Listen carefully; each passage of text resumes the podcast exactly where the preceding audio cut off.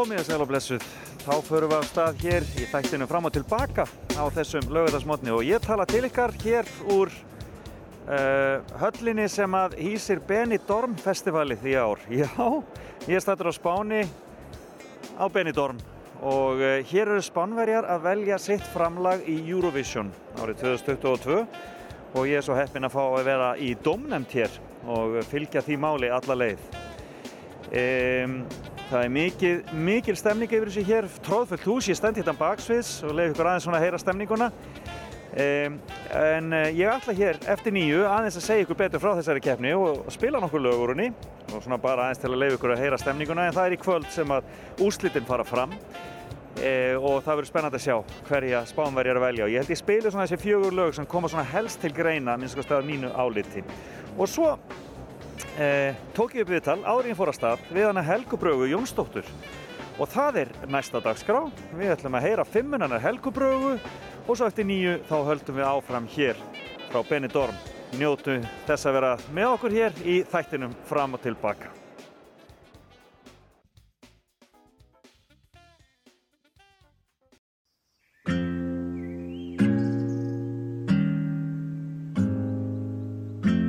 That some things were just always meant to be.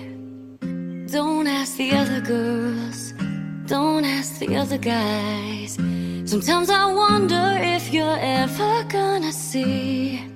I'm not like the other girls, you're not like the other guys. I tell you I want you, but you don't listen to me. I guess all I can do is whisper in your ear. Ooh, your kisses taste so sweet. Can't resist it. Stay with me and promise not to wake me if it's all part of a dream. Cause baby, it feels like heaven. Bonsoir. Your hands on my face, embrasse-moi, mon soleil. Say you die for me, baby. Read my messages if you want, I don't mind. I'm not like the other girls, you're not like the other guys. Hold me close, cause it's too soon to say goodbye. You sound kinda beautiful, and you got me in the sky. I tell you I want you,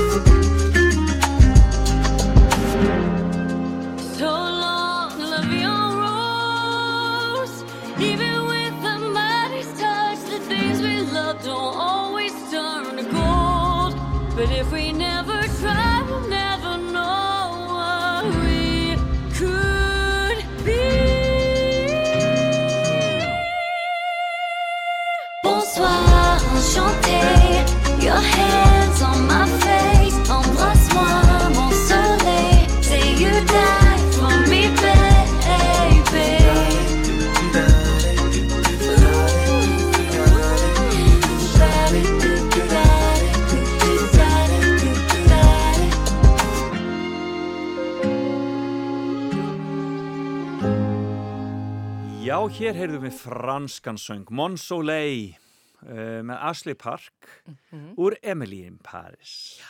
og hjá okkur er sest Helga Braga Jónsdóttir. Velkomin! Takk fyrir. Þetta er lagið hluta fimmunni þinni sem er uh, fimm lög sem tengjast fimm stöðum. Þetta er Nákvæmlega. mjög skemmtilegt. Þú Já. tókst fimmum bara konseptið alla leið. Allaleg, tak, tók það tvöfalt. það er bara double. Það er bara doppul. Það er double trouble. Heyrðu en af hverju þetta lag? Byrjum bara strax þarna, bara Já. hendum okkur inn í þetta. Já, bara eins og allir uh, sko uh, í, í COVID hafa verið uh, leið á Netflix og, og meðal annars náttúrulega Emily in Paris Já. og ég bara þá fór ég náttúrulega að sakna Parísar alveg enda laust. Já, erstu mikil Paris að manneski? Já, ég er Parísadama. Ég, daginn eftir stúdenspróf á. Akranesi, fjölbreytaskólanum á Akranesi, þá uh, flutti ég til Parísar. Bara daginn eftir? Daginn eftir. Og það er sko stúdentsmyndi mín, þá er ég svona, um, mamma tekur mynd sko að bakina mig, ég sný mig svona við og heldum stúdentsvona og ég er á leiðinni til Parísar. til Parísar. Ofbúslega kátt. Það var indislegt að alast upp á Akranesi, en það var aðeins svo lítið fyrir. Það var ekki París. Það var ekki París. og ég var búin að vera náttúrulega málabraut og, og læra frönsku í, í, í fjögur ár. Það var mér svo búinir til áfangar fyrir mig. Þannig að þú varst alveg farin að tala frönskuna bara. Tala alveg frönsku. Og, og, og þú veist, ég var hjá sem sagt, hjónum sem að voru bladamenn Já. og hún vann á La Chance France Presse sem er svona, svona miðstöð fyrir fréttir uh, allstaðar á landinu og uh, hann vann á L'Humanité sem og var íþróttafréttamaður Já, og var að fylgja Tour de Paris, Ókei. Tour de France Tour de France, Tour de já, France. já. Og þau voru með tvö börn, Le Petit Nicolas, þryggjára og Juliette sem var þryggja mánuða. Já, og þú tekur þessi börn bara þér. Já, já, en, en og þau sko svo, já, við tölum líka ensku, þetta verður ekkert, þau töluðu enga ensku. Nei, Þannig að það var eins gott að ég var búin með fjögur ár í fransku. Sem var bara fínt. Af því að ég hef byggt á það, og ég var bara í fjóra mánuði, sko. Já. Þetta var bara með hana, veist, þessi, hún var að byrja að vinna aftur og, og hann var í burtu og svona. Og svo fór ég með þess að með þeim í frí. en af hverju fenguðu sér íslenska upphör? Þau bara eitthvað æfintýri, sko. Já, og bara svona, þú veist, og ég fór í gegnum svona, eh, óper skrifstofu, þannig að ég var ekki, það var ekki til að píska mér neitt út, ég mátti bara vinna í ákveðin tíma Já, á dag ókei. og, og, og svo, Þannig að þetta var ekki svona þrælahald. nei, nei, nei, nei, nei. En, En hver, hva, hvenar er þetta? Hvaða, hérna, er ha, þetta? þetta,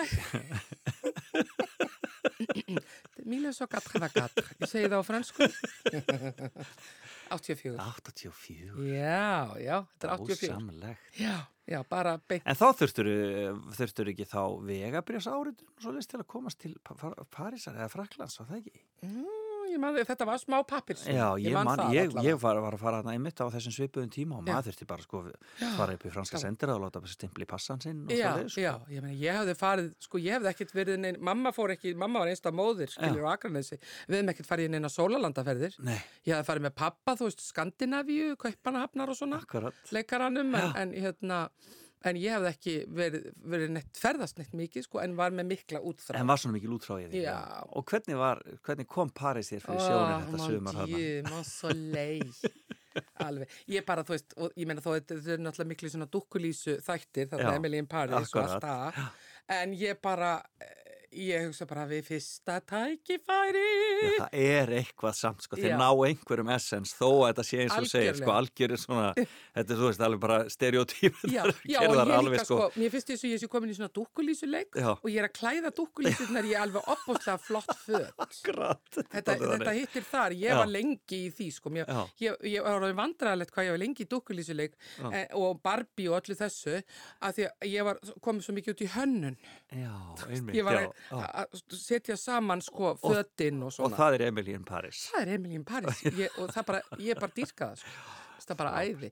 Já, það er bara einhvern veginn svatu víf þetta er svona, þú veist að sitja og borða og spjalla og, og kaffihúsin og, og svona geta glemt sér einhvern veginn bæði í mannlífinu og söfnin og öllu þessu En þú elst alveg upp á, á Akranesi eins og þú segir Mhm. Já. og ferð þá í framhaldsskóla þar líka. Það kom aldrei til greini hjá þér bara að fara í skólana sem kendu frönsku eins og MR eða svoleiðis Nei, það var svo góð frönskukensla uh, á Akranesi. Já, já.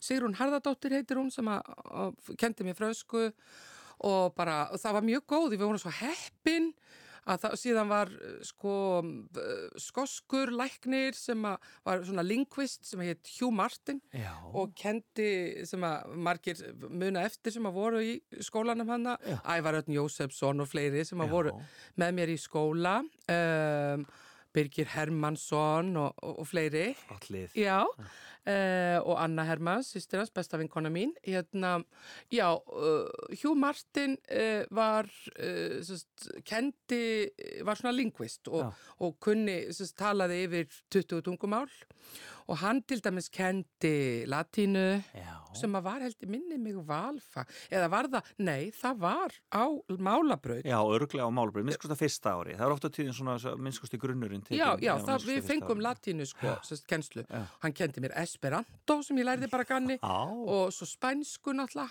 líka, ég var bara í einu önna því ég fókuseraði á á franskuna, en nú er ég aðeins byrjað að pæli spænskuna Franskunum er, já. já.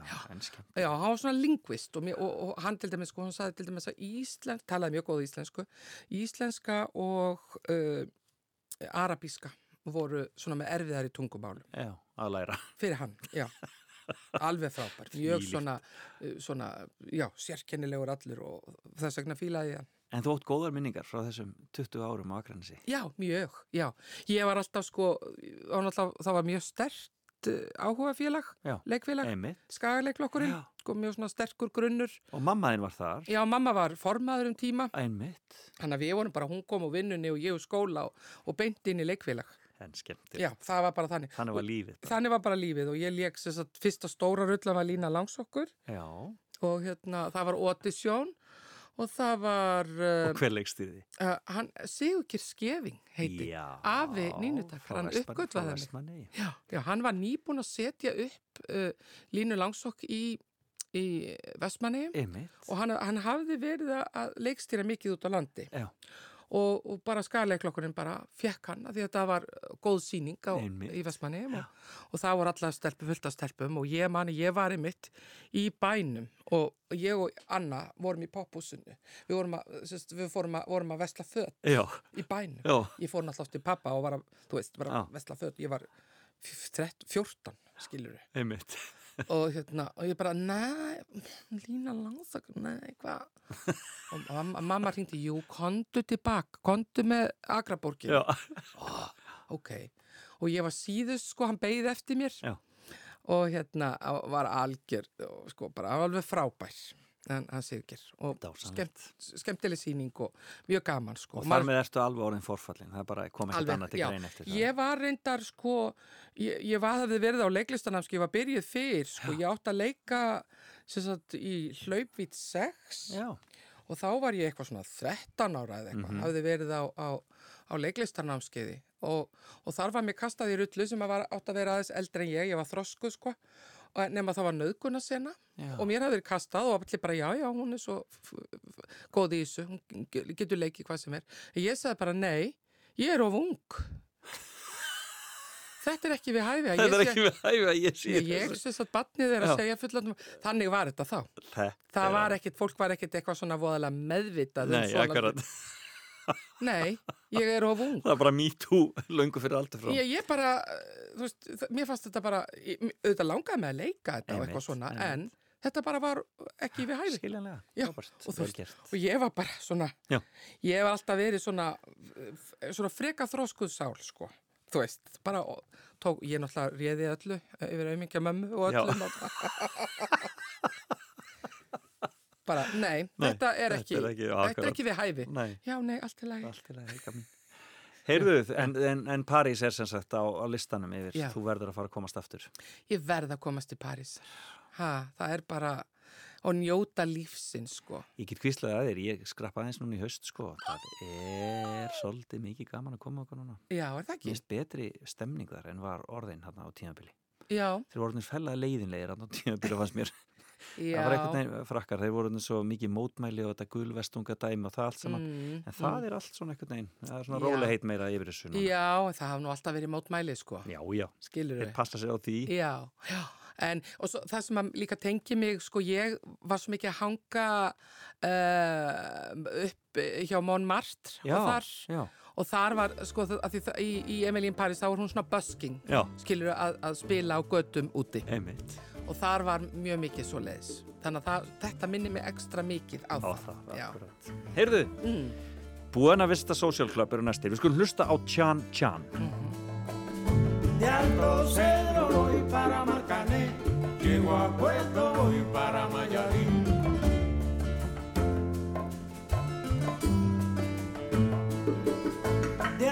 Cedro voy para Marcané, llego a Puerto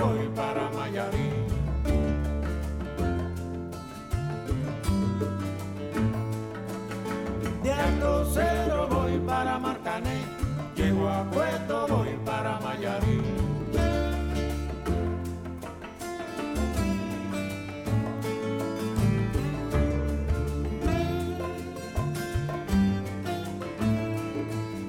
El cariño que te tengo no te lo puedo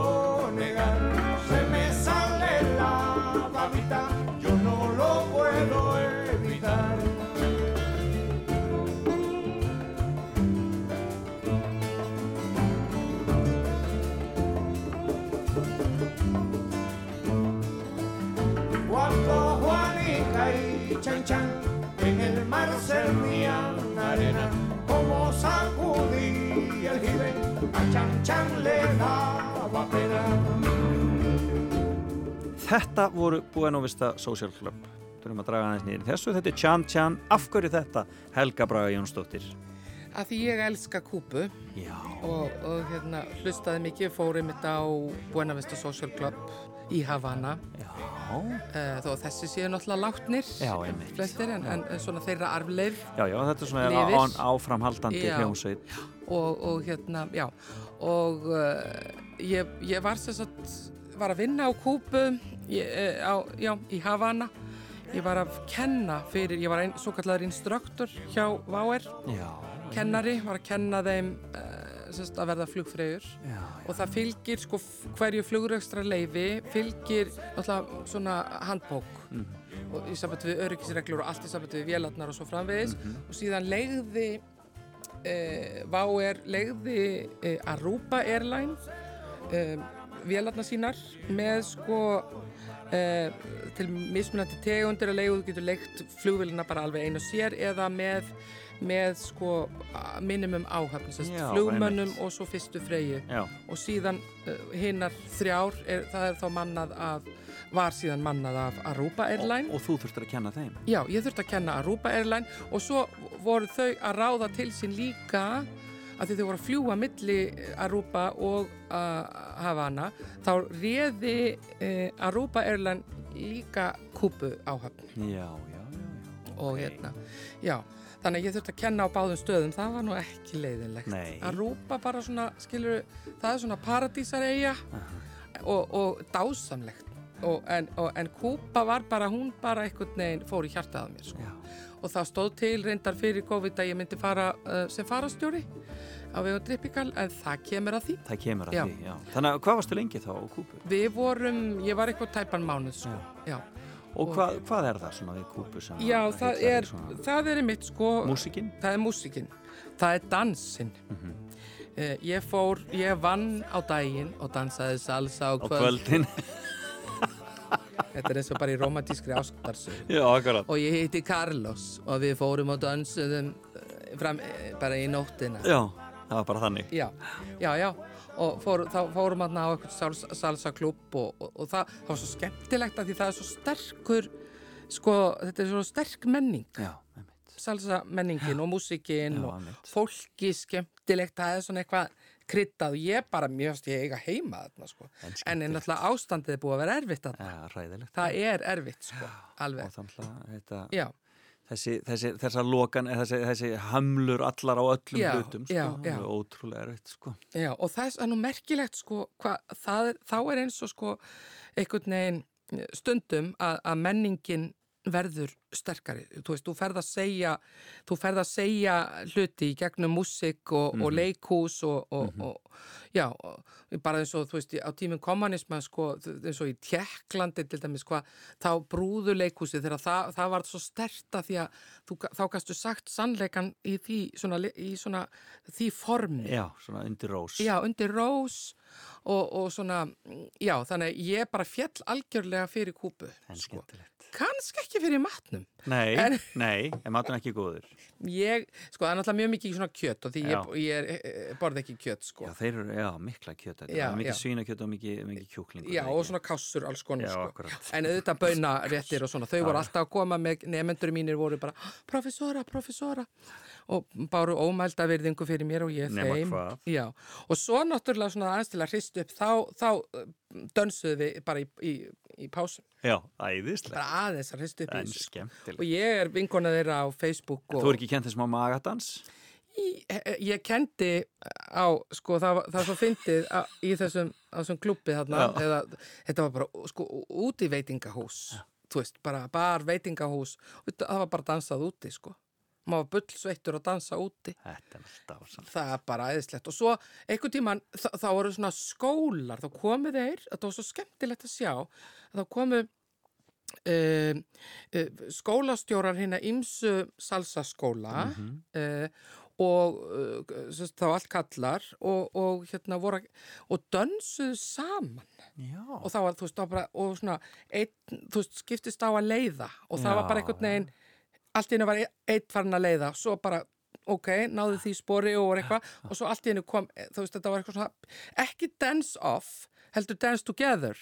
Svona, og já, frábært. Já, já, og bara allt svo byrjaði næsti að leiða einhvern veginn að því að hann tók, hann var með svo flott spor eitthvað. Hver tróð sér inn í þennan hóp einhvern veginn? Og þetta voru virtir, sko, salsa kennarar. Og, ég, og þá fór ég að koma og tók svona smá magadans svona hinta á þetta og þá bara, hmm, Já, það er til vídeo af þessu öllu, sko. Þetta Ég sýni þér það bara á eftir, snilldin sko. sko, þetta er snill. Heyrðu, já, þetta var skemmtilegt. Heyrðu, gætlega mér næsta lag, ég, mér sínst þetta sé Hawaii. Já,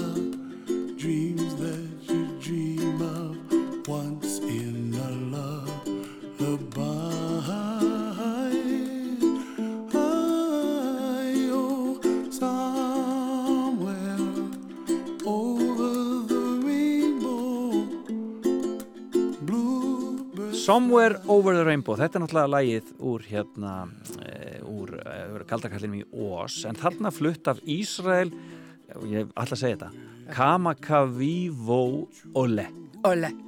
Ah, Er já? Jú, krútið. emitt, það, já, hann er mikið krútt Já, og hann er- hann, er og hann hann leifir sér, já, hann látin, en hann leifir sér svona að leika sér svolítið með lagið, þetta er nú ekki alveg upprunalega útgáfan. E, nei, nei, e, sko, þ- þetta er nú bara, um, þetta bara minni mig á Hawaii. Já, akkurat. Já, þar Og hvenar varstu þar? oft að kafa. Alveg rétt, það ég- þegar varst ég- í köfunum. Já, ég var full í Ég köfun. man eftir því. Já, var ég alveg brjálið í köfun. Brjáluð í köfunum. Já, ég var sko, svo þegar ég var í fósbræðurum og svona, Mhm. þegar aðri voru að kaupa sér hérna svona steinsteipu og svona, Já. þá var ég bara að ferðast út um allan heim. Alltaf. Bara, ég bara, fó, við kláruðum okkar tökutímabil Akkurat. Og, og, og þú veist, bæði skriftímabil, tökutímabil, þá er ég farin út í heim, Ástralíu, Hawaii, út um alla trissur. Og bara semst ferða hugurinn og ferða löngunin alltaf jafn söms fyrir sig. Já, síkóinni. Söm við sig. Já, já, já. Og við fórum, ég fór oft sko til Hawaii, sérst Maui er mín uh, uppáhaldseyja, hún er svo fögur. Þú lendir á flugvöllunum á Maui og þú finnur bara lyktina af plumeria blóminu sem þú setur svona bak við eyruð. Og það er allt eitthvað svo mjúkt. Já. Þó það sé hart eins og landi, það er náttúrulega eldfjalla Nei, nákvæmlega. Já. Haliakala, eldfjallið og, og hérna, en það er einhvern veginn, það drýpur smjör að hverju strái. Já, þetta er náttúrulega, þú veist, þessi, Já. þessi, þessa kyrra að segja er náttúrulega ólíkindum. Sko. Já, já. Þetta Þetta er náttúrulega algjörlega ótrúlegt. þú ert sko. með sjávarlífið og, og fiskinn og Já. allt þetta og strandlífið og síðan keirir þú bara áfram og þá ertu bara komin inn í svo enska sveit, skilur þú, svo bara keirir áfram þá ertu komin inn í regnskógin, það svo þú hittir Og alltaf 26 stegi hitti alltaf alveg steddi Já. eins og kúpu reyndar. Já, það er bara svona steddi það er bara svona alveg alltaf bara steddi hendar mér mjög vel. Og hérna. Á mjög vel Já. já. Já, og svo, þú veist, þá er maður alltaf komin inn í rekskóð þarna, maður keirir þarna áfram. Og þar var eh, búa til þess bara svona fullt af hippum sem hafa orðið eftir. Já. Og bara, Yes, my name, i- my name is Unity. I'm a musician. I'm writing a musical. It's going to be bigger than hair. Já, akkurat. Hair is, was like written long time ago. Já. Fyrir löngu síðan. Já, og síðan bara keirur áfram og þar ertu með hali akkala, skilur, það er bara eldfjallið, sko. En það er, um, þeir eru svo mjúkir uh, og svo fallegir, þeir, hérna, sko, Hawaiians, Já. þeir eru Hawaii-búar um, og svo þegar ameríski, uh, hérna, maðurinn kom þarna og, eða bandaríkjamenn, réttar að sagt, hérna, og þá bara, hvað heitir þessi staður? What's the place name? Hawaii, þú veist, bara staðurinn þar sem ég er. Já. Þau voru bara í núvitund, sko. Það er bara það er það sem það þýðir. Já, Hawaii, já, og þú veist, já, bara að vera mjúkir og bara, og svo ég fór náttúrulega, hvað gerði ég? Fór náttúrulega á smá dans og ég með svona plagg upp á, ég lærði húla. Þú lærðir húla? Já, smá, sko. Smá húla? Já, bara smá.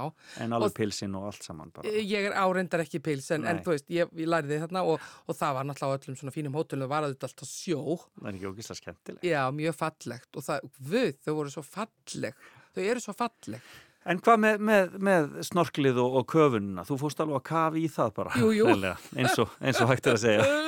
Já, þetta var bara rosa mikið tímabil hjá mér sko sem að ég var bara ég, it's bet, better down there Já. skiluru þá var ég bara einhvern veginn að kafa á dýpið ég, svo held ég nú að eitthvað aðeins áfram og var eitthvað að kafa, það er langt sinni ég hef kafað Já, ég skil. Já, En átt alltaf græjur til þess og svoleiðis? Þetta já, nei, nei, ég þarf nú, að updata Já. en, en hérna, já, já, það kemur glæði að, að, að ég e, prófa það aftur Kanski farastjórin? Þú Já, já, nýju, ég- Sem farastjóri getur þú farið að fara með fólk köfunaferðir? Algjörlega, sko. Já, ég meina, ég fór, sko, með, það er ekkert svona, það er kannski svona fimm, nei, það er komið sjö ár, þá 2015. Já, Tíminn svo fljótur að líða. Þá fóru við, sko, til Bahamas og þá, þá, þá sá ég til þess að fólkið allavega snorklaði. já, einmitt. Þá voru ég, sko, á skemmtiferðaskipi, sem sagt, e, eins og farastjóri. Dásamlegt. Það var ekki leðilegt heldur. Því trúi ég. Því trúi ég. En ég, þú lístir í þannig að, að man ég þegar þú varst að segja mig frá þessum ferðum á Hawaii Já, fyrir mörgum ára síðan mhm, þá sagður sko, þarna ertu þarna er einhver gorgeous instructor og þú ert búin að setja upp hérna, allt dæmið og þá rétt hann út hendun og segir horfið djúft í augunum og segir do you trust me? Manst eftir þessu? og allir bara, já, ég skal koma með þér á heimsenda. Ég skal bara fara með þér bara, þú veist, niður. Og það, ég hef sko kafa, ég er, var algjör, ég, það, sko, ég var náttúrulega kannski svolítið svona, það var meira rock and roll í manni á þeim árum. Já, akkurat, einmitt Maður var að gera, taka stundum eitthvað áhættu sem ég ekki gera í dag. Nei, Ég var sko, þó ég hefði kafað mikið, sko, ég fór alveg niður á 60 metra, 200 fett. oh my god Já, já, ég sá Jésús, sko. Það var bara, er bara svoleiðis. það var bara Le Grand Bleu, Le, The Big Blue. Já, það var bara the, the Great Wall of Molokini. Það er bara endalöst dýpi. Og, og, og sko buddyinn minn, sérst, félagi minn köfunafélagi, maður fer aldrei maður fer aldrei Einn, eitt, sko, nei, nei, það er allt, þú hefur alltaf buddy og þú doppeltekkar og allt þetta. um, og hann, við, við vorum eiginlega svona búin að ákveða þetta, fara bara beint niður og, og svo vorum við reynda með köfunar úr, þá kannski maður séð sko Hvað þið voru konar í hvað á hvaða dýpi Já. og hvað kom mikið nýtrökin í blóðið. Já, og ég hef aldrei, það var alveg skynsemi, ég var ekki ykkur, þú veist, fliphaus eða svoleiðis, en, en hérna um, já ég, við, ákvaðum þetta og, en ég þarf þetta að gera ekki þetta aftur. en var þetta ekki magnað svo? jú, jú, jú, svo var ég komin En ekki deinilókunni kendið það svo leiðis? Nei, þú, þú heilar hana þarna. Já, akkurat. Ein vinkona mín var með svolítið mikla innilökuna kent sko, það var erfiðara fyrir hana.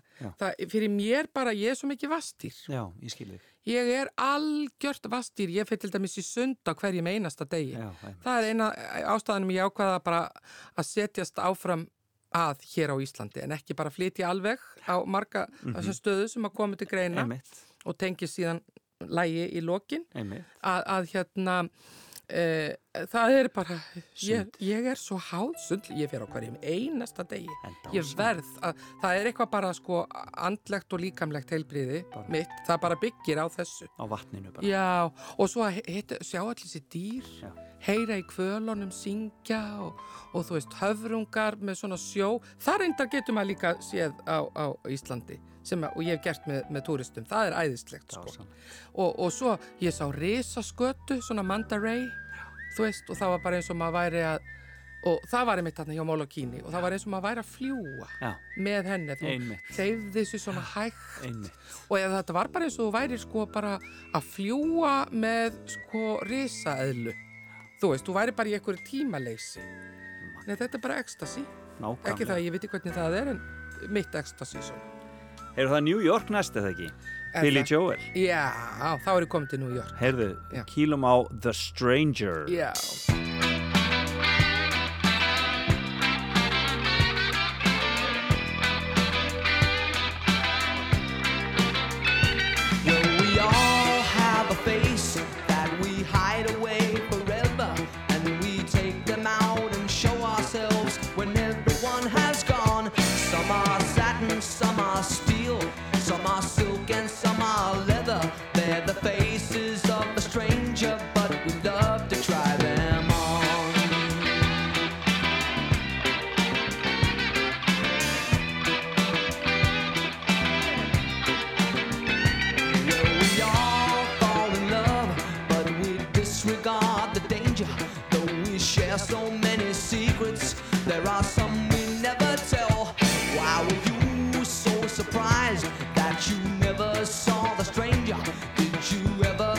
your love.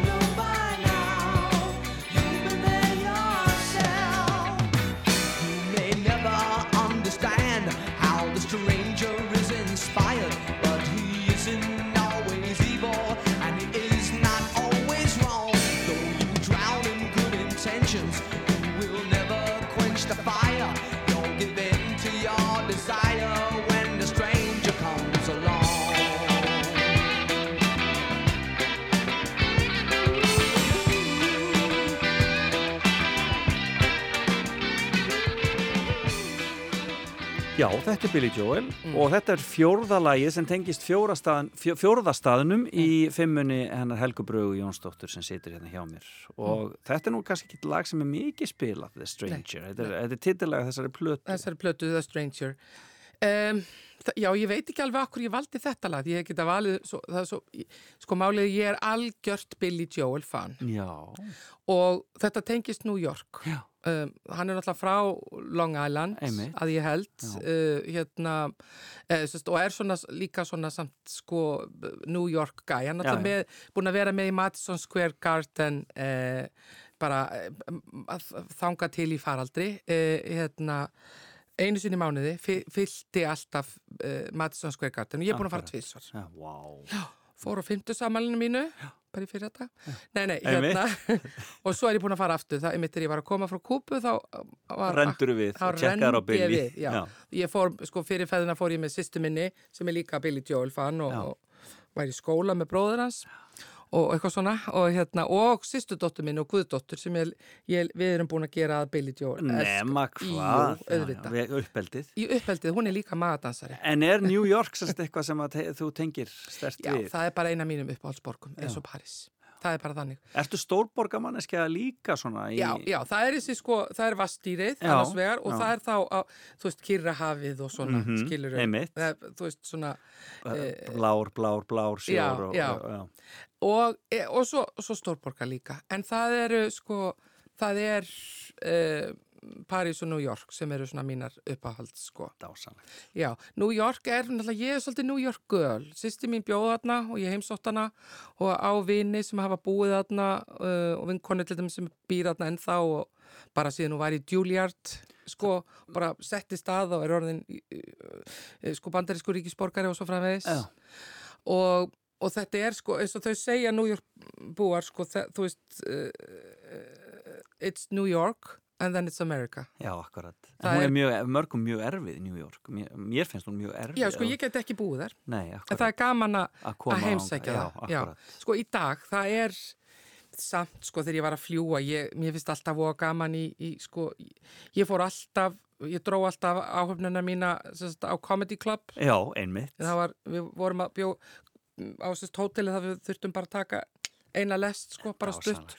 og þá varstu bara komin á Comedy Club og, og um, við, við lendum það snemma við gátum náð sko bara dinner og Comedy Club sko Gotham. Akkurat. og, og, og hérna til dæmis Og það virkaði alltaf. já, já, það virkaði. Það var alveg bara, og já, ég elskaði það geta farið á alla þessar Comedy Club sko. Og leikhúsið og leikhúsið og svo bara allir að lappa um New York á sunnudegi.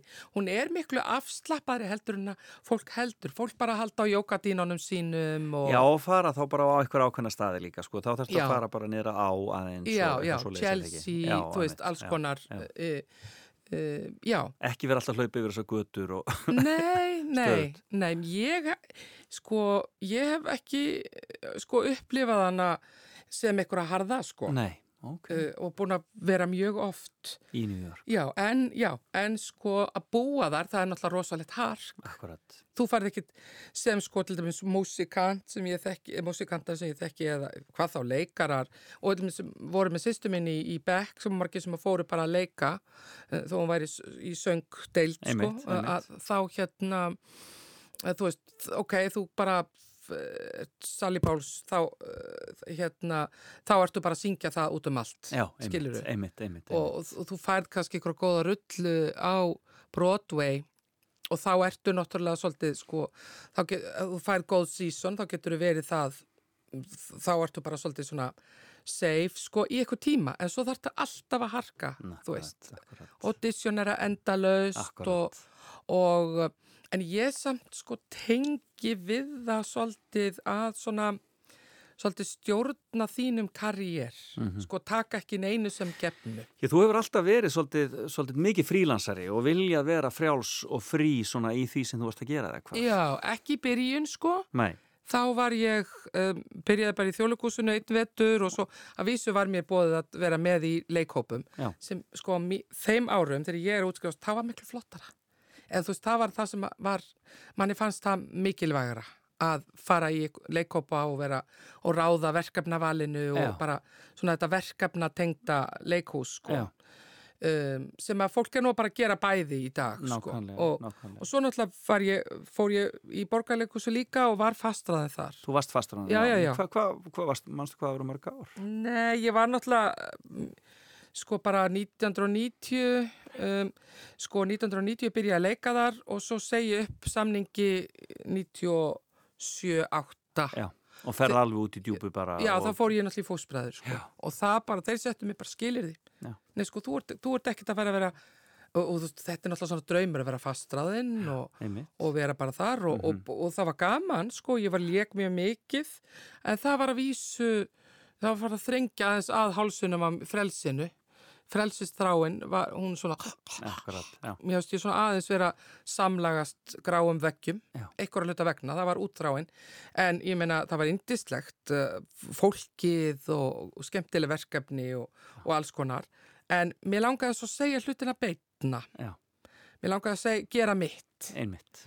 og þeir sögðu bara við mig að við erum ekkert að fara að gera þetta sko bara svona eftir klokkan fjögur. Á daginn eftir æfingar í leikhúsinu. Við erum að fara að gera þetta alla leið. Akkurat. Og hvað stóðu fórstbræðra tímabilið svona í, í alvöru lengi? það stóð ekkert lengi. Við fyrsta seri var 97 og svo hvað, ní- til 2001 Já, þetta var ekki lengur það var stutt sko, já. En þá var ég bara 98 er ég beðin um að koma og vera með uppistand. Já. og ég bara, nei, ég er leikona, ég er ekki uppistandari. Það bara, hvað er það? Já, Sko þarna var, jú, eh, sko Edda hafði ekki aldrei kallað sig uppistandara. Nei, nei, Hún hafði verið að skemmta mikið, skemmtikraftur auðvitað og, og, og mikið með, sko, með karakt, í karakter mhm, og, og þá með náttúrulega gísla á þeim, alls Einmitt. konar.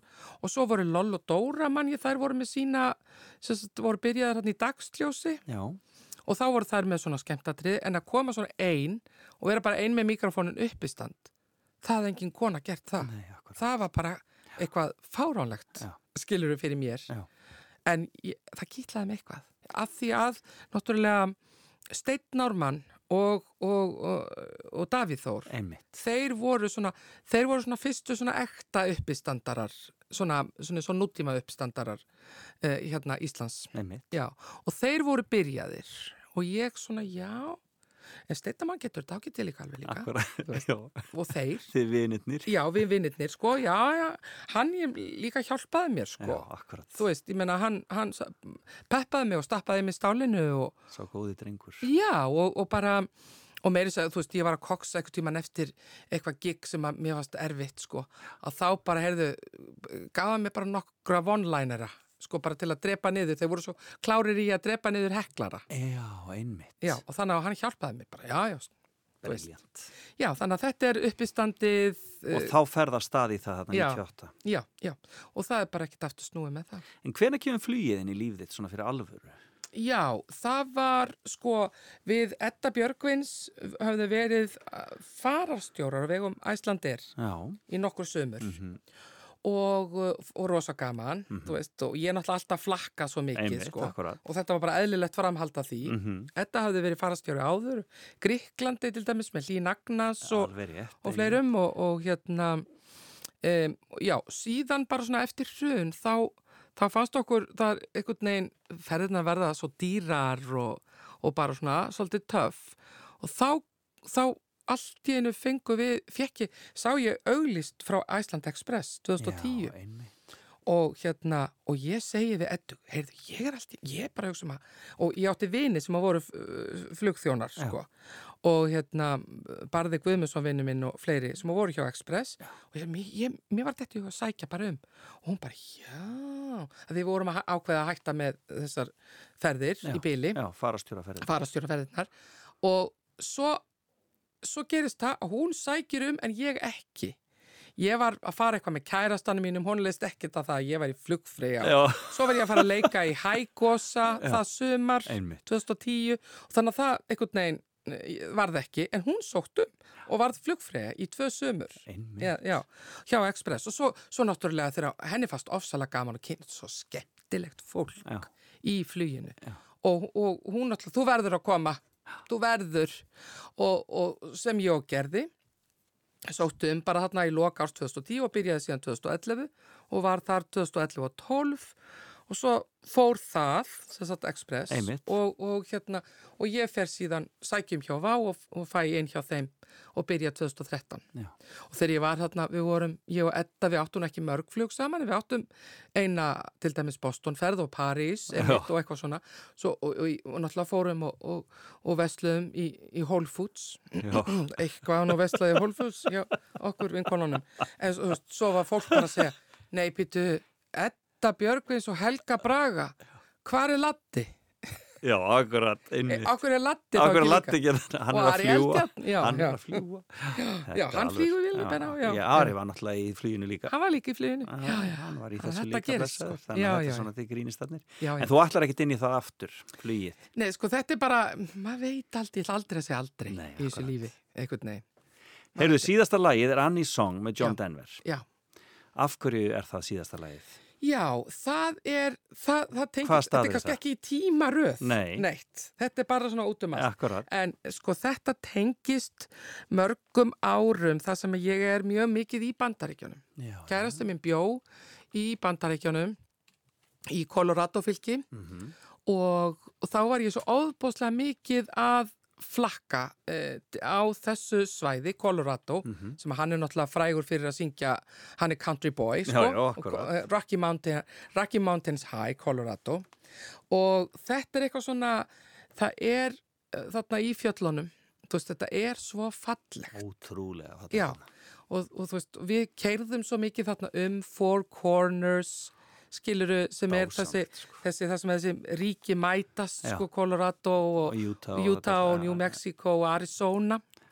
Og ég fór einmitt til Arizona og þar og Sedona, Arizona og, og fór á, á, á Indiánaslóðir, var meira þess að bóðið vin, vinur okkar, sameilegur, uh, hann, þú, það er náttúrulega svona eins og sér ríki og, og það er hérna nálagt Four Corners, Já. Það sem þú ferð inn í, þetta voru Hopi Mesa, það voru Hopi Indiánar, það sem er svona, þeir voru svona friðsætli heldur en Navajo til dæmis Já, einmitt. og það er þeirra fríríki og þú, þú verður að fá uh, sko, þeir verður að bóðið inn sko.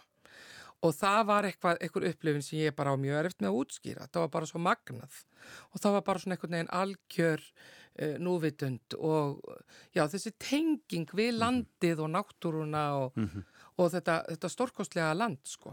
Þetta er, þetta er náttúrulega svo, þetta er heimsálfa sko. þetta er svo, eins og mörg ríki sko og, og það er eitthvað svona það, það sveitalíf sko og bara svona the Rocky Mountain High sem er ennþá aðeins í mér sko Það getur sko mælt eindreið með því. Það var Já. ekki farið þarna um þetta Colorado og þetta svæði þarna.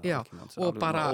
Sko. Já, og bara svona þessi f- bæir svona, svona sjarmerandi svona, Með einni aðalgötu já, og maður sér fyrir sér sko hvernig maður stoppaði við endan og, og svona leiti kringu sig áður um að labbaði að stað inn aðalgötuna. já, bara á, vera á og vera bara kábói og, já, já. Hvernig verður árið hjá Helgu Bröfu? dásamlegt Já, það ekki? algjörlega, ég er náttúrulega komin á fullt líka í ferðabransan Já, að ég lærði uh, uh, uh, að vera leðsugumæður í COVID, þá fór ég bara í, Í það, já, já. og bara rosalega skemmtilegt og er orðin alveg full bókuð í því og síðan er ég mikið bara að skemmta uh, uh, já, og ég, nú er þetta renn alltaf stað aftur. allt saman, já, ég, og það er búið að bóka mig líka erlendis á uh, að skemmta og já, þannig það er bara, ég er mjög bjart sín sko. Og svo ætlar að fara að ferðast líka meir. Já, svo ætlum ég að halda áfram að ferðast. Helga Brá Jónsdóttir, kæra þakki fyrir komuna í fram og tilbaka. Takk fyrir mig. You fill up my senses like a night in a forest, like the mountains in springtime, like a walk in the rain, like a storm in the desert, like a sleepy blue ocean. You fill up my senses. Come fill me again. Come, let me love you. Let me give my life to you. Let me drown in your laughter. Let me die in your arms. Beside you. Let me always be with you. Come, let me love you. Come, love me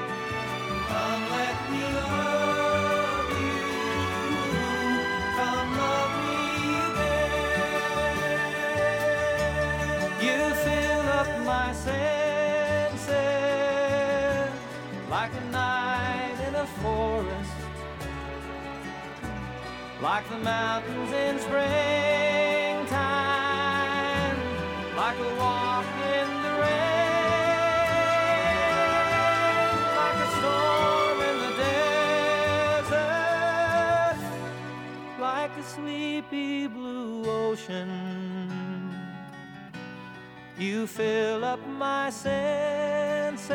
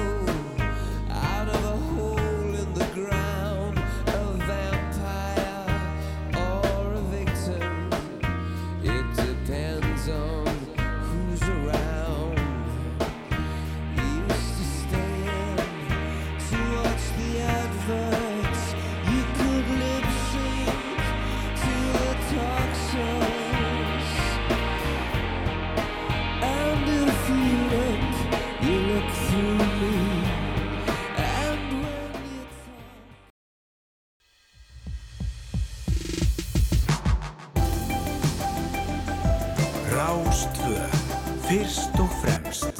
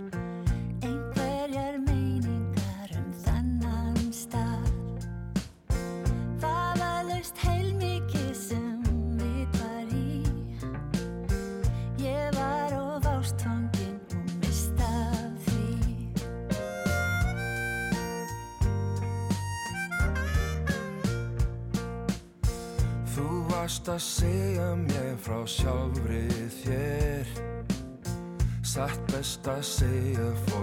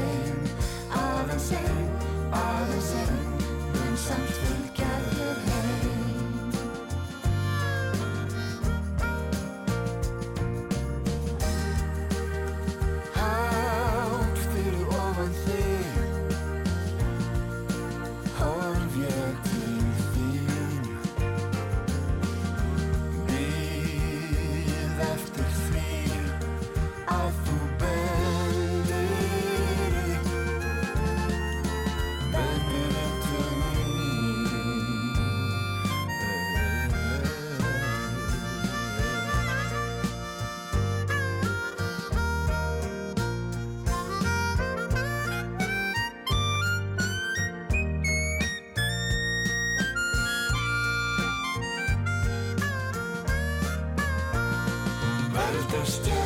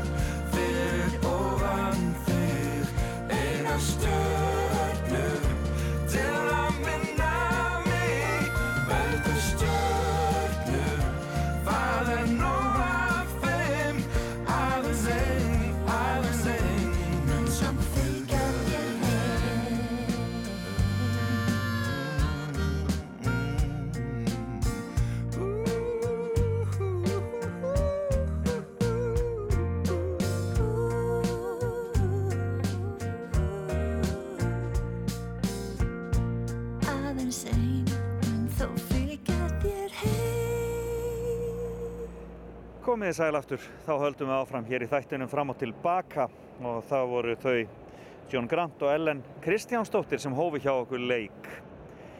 E, já, ég er stattur í Benidorm eins og ég sagði ykkur hér í upphafi þáttar og er hér að taka þátt í því að velja framlag Spánverja í Eurovision í ár.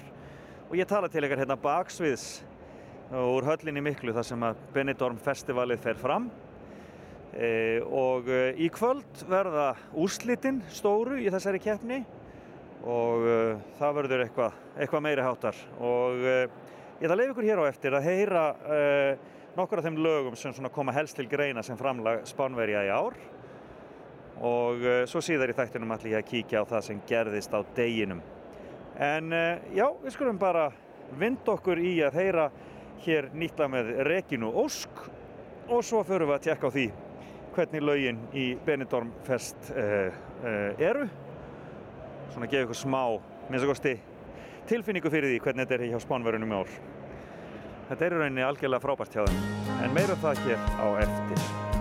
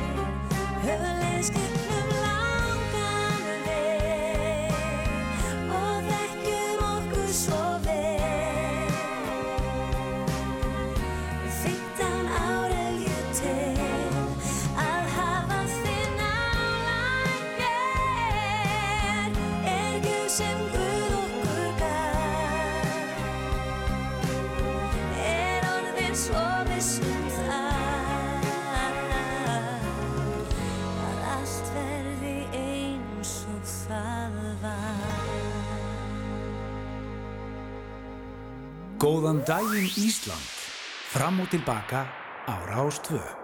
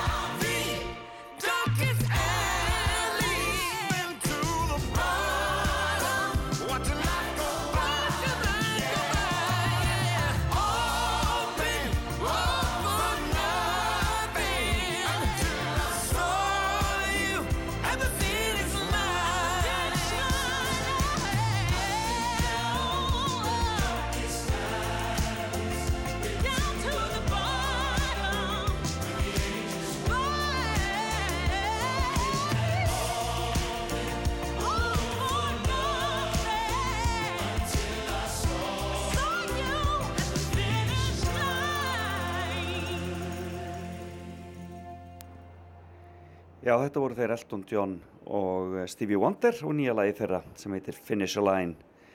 Og einhvern veginn grunar mig að þeir félagar hafa nú alla hist til þess að syngja þetta saman svona á þessum uh, koronu veiru tímum. Þetta var tekið upp á síðasta ári. En hvað veit maður? Það er ímistækt sem eru, er mögulegt í henni veröld. Um, en uh, ég er hér sérst út á Svalir á hótelinu mínu hér í Benidorm og ætla að fara að segja ykkur aðeins frá þessu Benidorm festivali sem er hér í gangi þar sem Spánverjar er að kjósa framlag sitt í Eurovision. Og um, það er indast að sitja hér úti í sólinni. Hér er búin að vera svona 12 til 15 stegi hitti á meðan ég hef verið hér. Afskaplega gott í sólinni en uh, verður nú ansi kallt þegar maður er koni skuggan og ég tala nú ekki um þegar sólin er sest. En uh, hér er heilmikið af fólki sem að greinlega eigðir hér drjúum tíma af vetrinum og uh, maður sé mikið að breytum og það var vitað fyrirfram. Ég held að Íslendingar séu minna að koma hérna til meinitónum en þeir gerðu hér í gamla daga. Uh, og þetta er eldra fólk mikið til og ég sé, hef ægilega bara aldrei séð jafn mikið að spýtt hjólastólum eins og hann, hann megas kallaði það hér í læginu á sínum tíma með buppa eh, en ákala gaman. En við skulum heyra fyrsta lagið sem er komið í úrslitin upp úr þessum fyrri undanúrslita riðli sem var á miðvíkudagskvöldið og það er búið að vera mikið drama í kringum þetta lag því aðdáðandunir eru greinilega eh, miklir aðdáðandur eh, og eh, það má ég svo rauninni segja að baráttan hafi verið milli eh, tveggjalaga eh, sem eru, er þessi, eh, þessi, þessi þetta tríó sem að kalla sig Tansueras eh, held að ég fari rétt með það hér eh, og kemur frá Galísíu og ungrar konu sem kalla sig Chanel og svona söngleikjastjarna og syngur afskaplega vel og dansar. En aðdáðandur voru ekki ánaði með hvernig dómnefndin kaus og ég hef sjaldan lent í öðru eins það er stöðug skilabóð á samfélagsmiðlum þar sem okkur er útúðað hreinlega dómnefndinni fyrir það. En við skulum heyra þetta lag eh, með Tansu Eras það heitir Jörð eða Terra. Og eh, eins og ég segi þau koma frá Galísíu sem er eitt af fjölmörgum sjálfstjórnar hérðum hér í, á Spáni eh, eða sjálfstjórnar svæði og liggur norður fyrir, fyrir norðan Portugal og verstan eh, spænsku sjálfstjórnarsvæðana Castilla, León og Astúria og eh, eh, það búa þarna nokkra miljónir manna, hvorki minni minna. Og þarna eh, er svona já, sögufrækt svæði og örgulega gaman að heimsækja. Sem skilst að Jakobsvegurinn sé þarna eitthvað og þar sé hægt að koma við. En við erum ekkert að velta okkur meira upp á því. Heyrum lagið þeirra uh, í Tangsueras þetta er Terra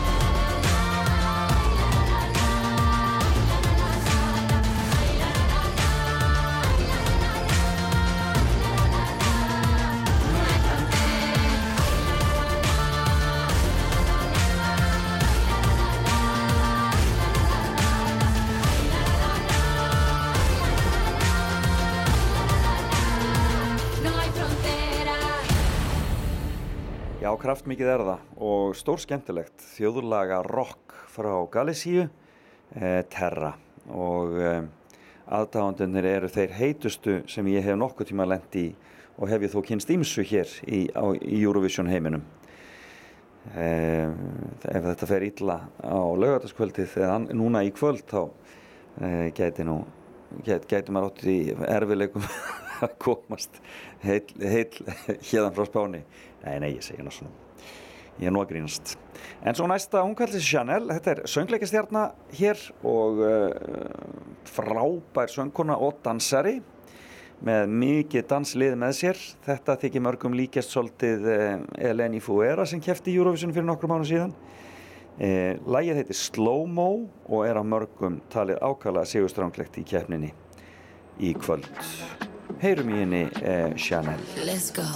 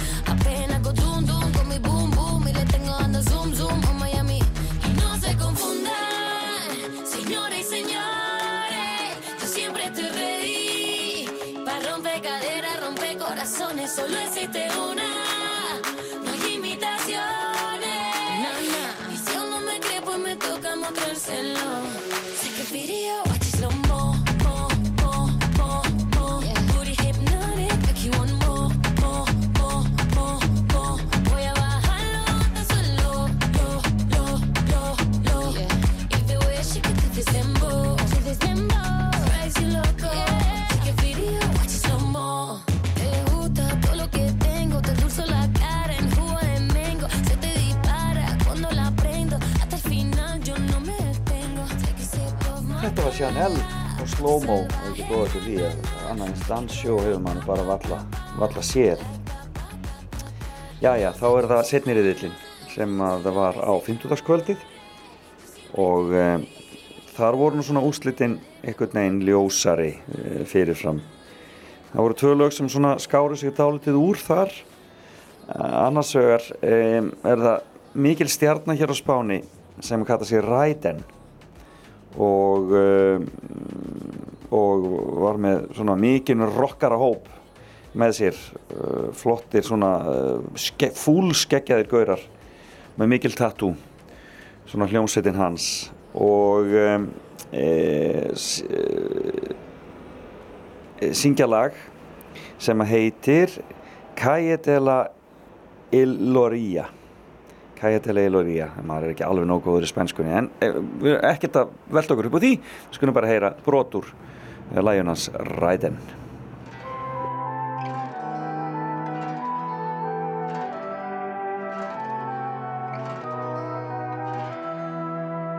que quiere jugar con fuego pero odia quemarse. A vendedores de humo que buscan claridad Al que se mete donde cubre y traga agua hasta ahogarse. Seco que pide que se mojen los demás. Al equidistante travestido que choca Con el discurso de que los extremos se tocan. Al de las medias tintas que busca cantar victoria Pero di que media tinta escribe una buena historia. Que vive del recuerdo y el presente le explota. La cara le estalla por mirar su ombligo. Al que pasa mal rato de ver que te doy el mismo trato que lograste que tuviese contigo. Síndrome de Lucifer que solo es hacer de cruel Porque antes con él lo habían sido. Al que pide peras al alma y manda donde amargan pepino Correo no va a haber sitio. Betty cierra al salir Que de ir tanta peña se ha puesto pequeña No hay donde vivir. Como una Magdalena Sabes por dónde se a llorar, pero no te voy a decir quién soy. A llorar a la calle de la llorería. Que yo ya lo lloré, que yo ya lo lloré. A llorar a la calle de la llorería. Que yo ya lo lloré, que yo ya lo lloré. Perdona la ironía, que me ría, me ría y me ría. Pero esa penita no fue mía. Yo Al indeciso que se queda a la espera, porque hay cosas que llevan su tiempo hasta que el tiempo se lleva y cuando ya no hubo nada que perder, solo ganó el tiempo. Já, þetta var Ræden og eh, eitt af þessum lögum sem talaði sigurstranglegast í kvöld í eh, festivalinu hér á Benidorm þar sem Spánverjar kjósa sitt Eurovision framlag. Það var gríðalegur áhuga og svo mikið læti í kringum þetta óbúslega flott eh, framkvæmt hjá, eh, hjá um, eh, spænska sjónvarpinu En við skulum enda þetta á lagi sem er mikil, mi- sem aðdándunir elska mjög mikið og eh, fekk mjög góða kostningu á 50. kvöldið. Hún heitir Rigoberta Bandini og þetta er mikið svona feminista lag, heitir I Mama, fjallar um konuna bara svona almennt, byrjar á mömmunni og, og svo bara verður þetta svona feminista anthem. Eh, Hún tala mikið um það hvað er svona, hvað, hvað er svona slæmt við það að sjá á okkur brjóstin og hvað okkur er allir svona hrættir við brjóst mjög skemmtilegt og brjóst koma mjög við sögu í þessu lægi sem þið getið séð ef þið viljið horfa á þetta, þetta, þetta úrslita kvöld því að þeir bjóða upp á þetta á, uh, á uh, ar, þegar það er bara hægt að setja inn á leitarvél RTVAFE RTVAFE Play. Þeir eru með svona eins og við á, á roof.is svona það sem að hlutum er streymt svoleiði síðu og þar akkurat má finna þessa útsendingu. Og uh, hún byrjar seint og um síðir. Í kvöld, ég skal vera með það á hreinu við ykkur á eftir klukkan hvað þetta byrjar því ég segi ykkur frá þessu aftur og eftir. En við skulum enda á að heyra þetta lag sem að uh, margir telja að verði já, séu mikla líkur á að verði framlagsbánar í Eurovision í ár. Ég held að það sé alveg rétt það eru líkur á því en það á mikið eftir að ganga á í kvöld áður en nokkuð kemst á hreint.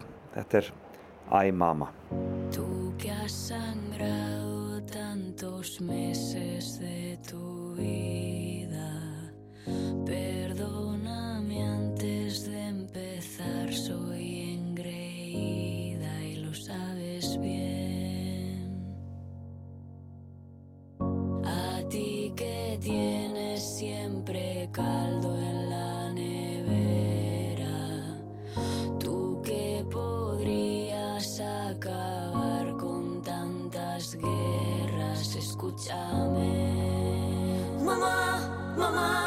mamá, mamá, paremos la ciudad, sacando un pecho fuera al puro estilo de la croix. Mamá, mamá, mamá, por tantas mamá,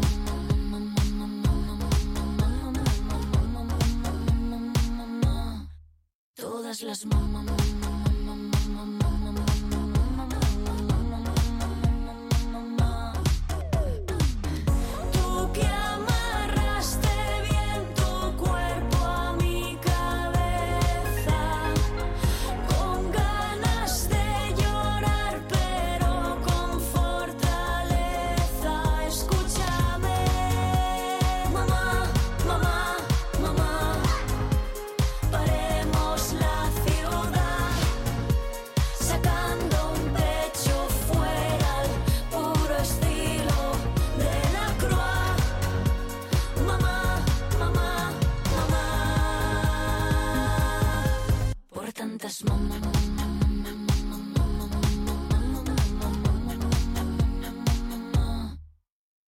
las manos.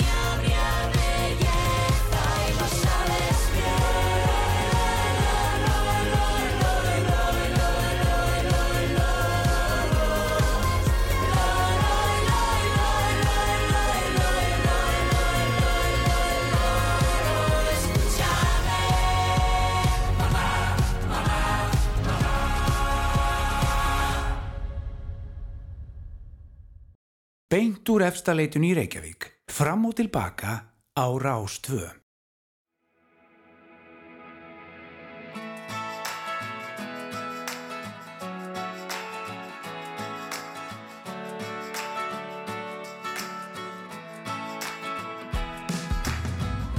Sef ekkert í að þú er sífælt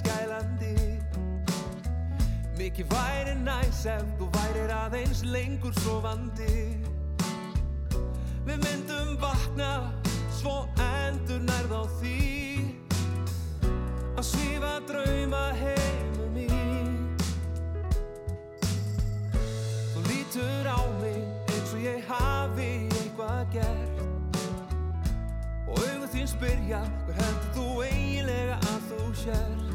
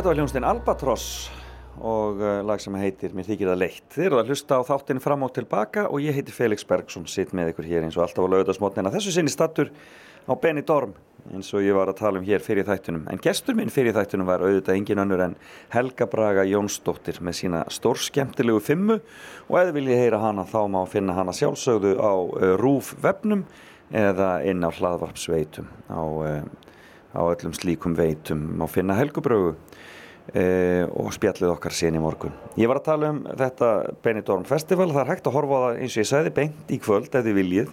Það byrjar rétt eftir klukkan nýju, klukkan 5 minútur yfir nýju og hægt er að fara inn á vefin á RTVE Play og finna þetta þar og horfa í góðum gæðum.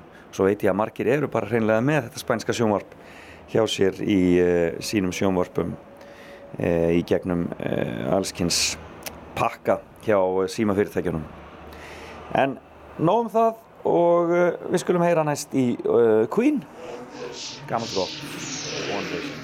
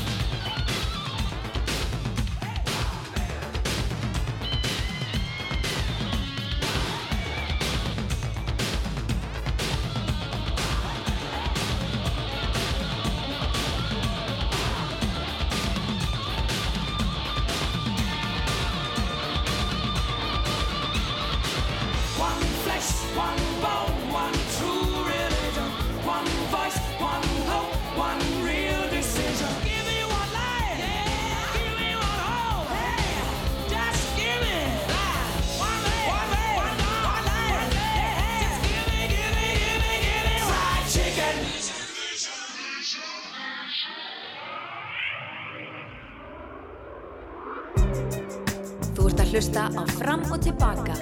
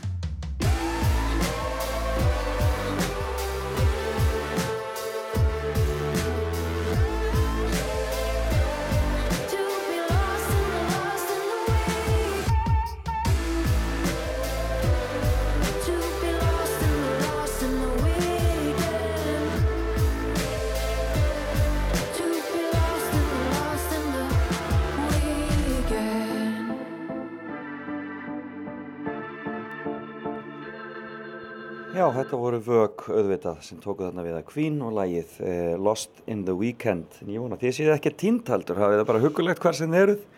Og ég skála við ykkur hér í kaffinu mínu af Suðalónum á hótelinu mínu hér í Benidorm. Þar sem ég er í embætis erindum á vegum spænska uh, sjómasins og nýt lífsins. En í dag er 29. januar og það er nú ágætlega merkilegu dagur. Þetta er 29. dagur ársins samkvæmt orðana hljóna, hljóðan. Og, e, e, og, hér, og það gerist ímislegt þessum degi, ég ætla svona í fljótu bræði að fara yfir það, ekkert vera mikið að dvelja við það. En e, Fjódor III var rúsakeisari á þessum degi árið 1676 e, og Hrafnin eftir Edgar Allan Poe kom fyrst út á prenti í dagblæði í New York Evening Mirror árið 1845 Um, árið 1886 fekk Karl Benz enga leifi á fyrsta bensíndrifna bílnum.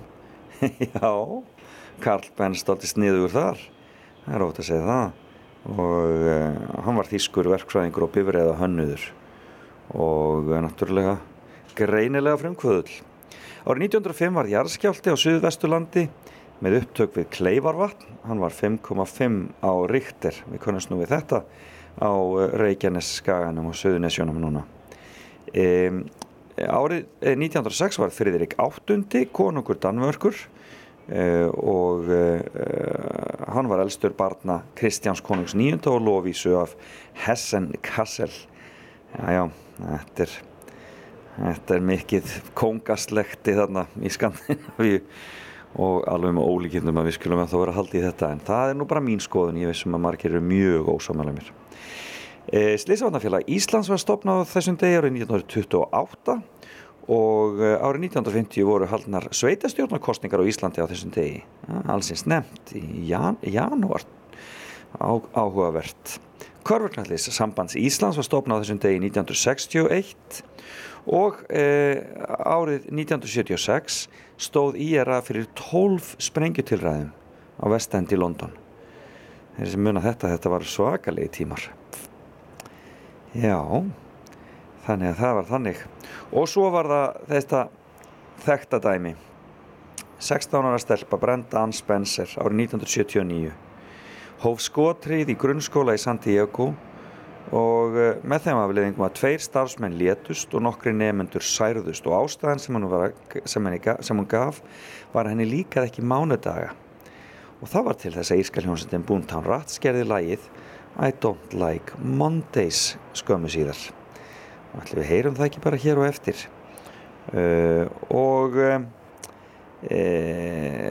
já, það er tventinni viðbót sem er mjög skemmtilegt. Árið 2000, Vísindavegurinn opnaður á Fórseta Íslands sem var þá Ólafur Ragnar Grímsson það var árið 2000 Vísindavegurinn alltaf stórkostlegt fyrirbreyði og 2009 framsóknarflokkurinn gaf það út að hann stitti minnulutstjórn samfélkingar og vinstirgrætna gegn því að þeir samþyktu að bóða til stjórnlagaþings.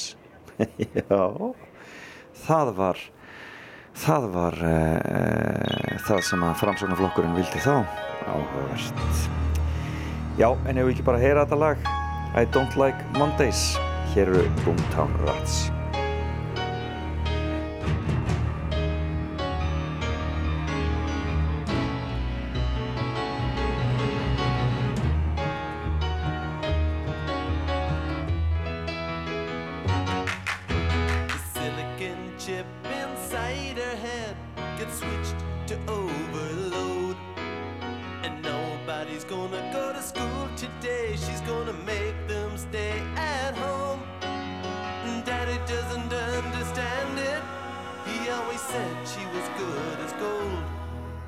Can see no reasons, cause there are no reasons. What reason do you need to be shown? Tell me why I don't like Mondays. Tell me why I don't like Mondays. Tell me why I don't like Mondays. I wanna shoot. Ooh, the whole day down.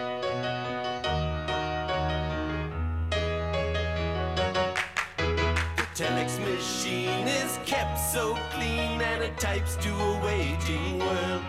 A mother feels so shocked, father's world is rocked, and the thoughts turn to their own little girl. Sweet 16 ain't that peachy keen, now it ain't so neat to admit defeat. They can see no reasons, cause there are no reasons. What reasons do you need?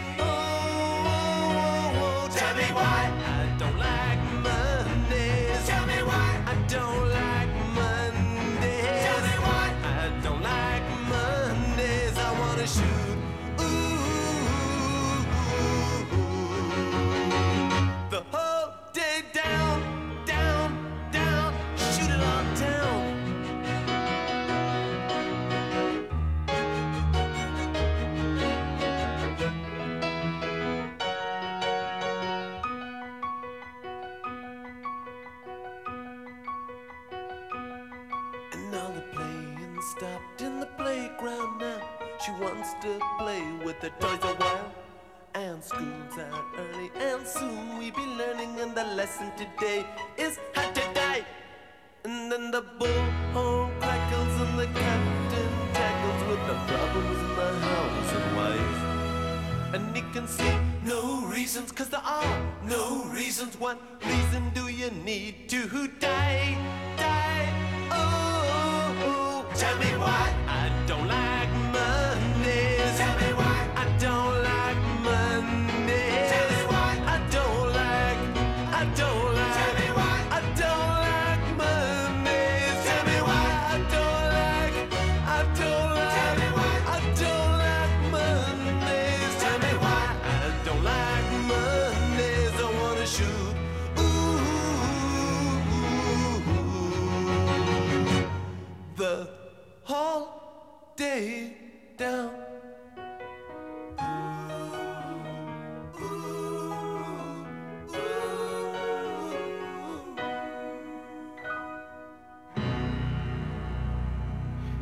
Já, við skulum láta þetta næja hérðan frá uh, Benidorm. Það fyrir að líða því að Gísli Marsteinn og Björg setjist hér hjá okkur í sínu laugardagskaffi eh, og eh, segja okkur eitthvað skemmtilegt og rappi við skemmtilegt fólk. Alli Már kemur síðan eftir háttegið í allir það ekki og endilega hafið samband við hann og byggðum óskalögin ykkar. Ég veit að margir vilja koma inn að óskalögunum sínum. Og þannig höfum við þetta hér áfram á Rástvö. Eh, fariði varlega hvar sem þið eruð Eh, reynið að forðast veiruna skæðu þau mögulega getið. Hún er, ekki, hún er ekkert grín að eiga við eins og margir hafa sannreint eh, en líka bara góðan bata til þeirra sem að standa í þessum stórræðum. Við förum í gegnum þetta saman. Og við höldum áfram að vera saman í þættinu fram og tilbaka hér á Rástvö. Ég verð aftur mættur hér næsta lögadag og býð ykkur þá aftur upp á frétta getraun e, það verður skemmtilegt en takk fyrir í dag og leifum láta að klára þetta. Bless bless.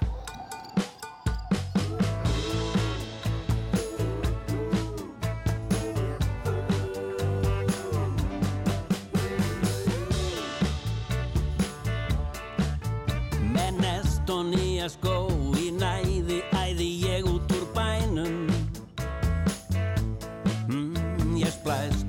hondur hró. Á henni brenni ég út með sjó.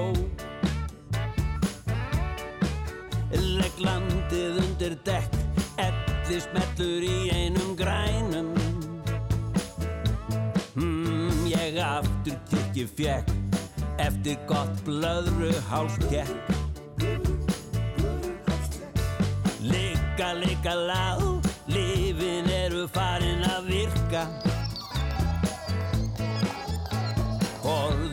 Ykkur frá, fúsa liggur heilmikið á Ég léttur er á merð því leður dressið passaði sirka Veit ekkert hvert ég fer, ég rat ekki heim hvort eð er Ertu menn? Ég ætla brun út í bláin Ertu menn? Það er pláss aftan á Ertu menn? Maður er ekki dáin Og ekki nema 75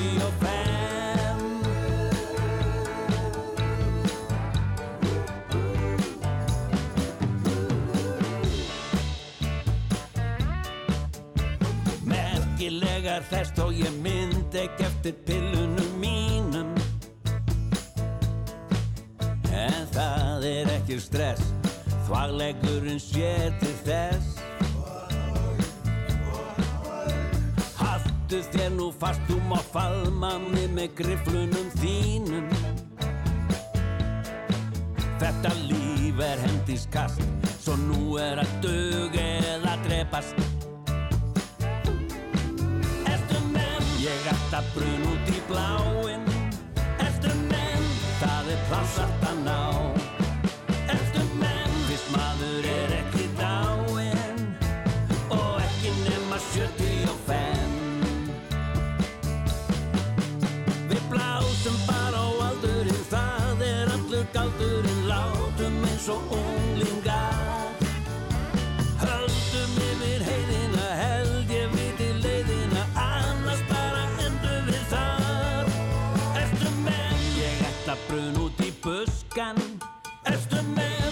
Sko plast fyrir þig.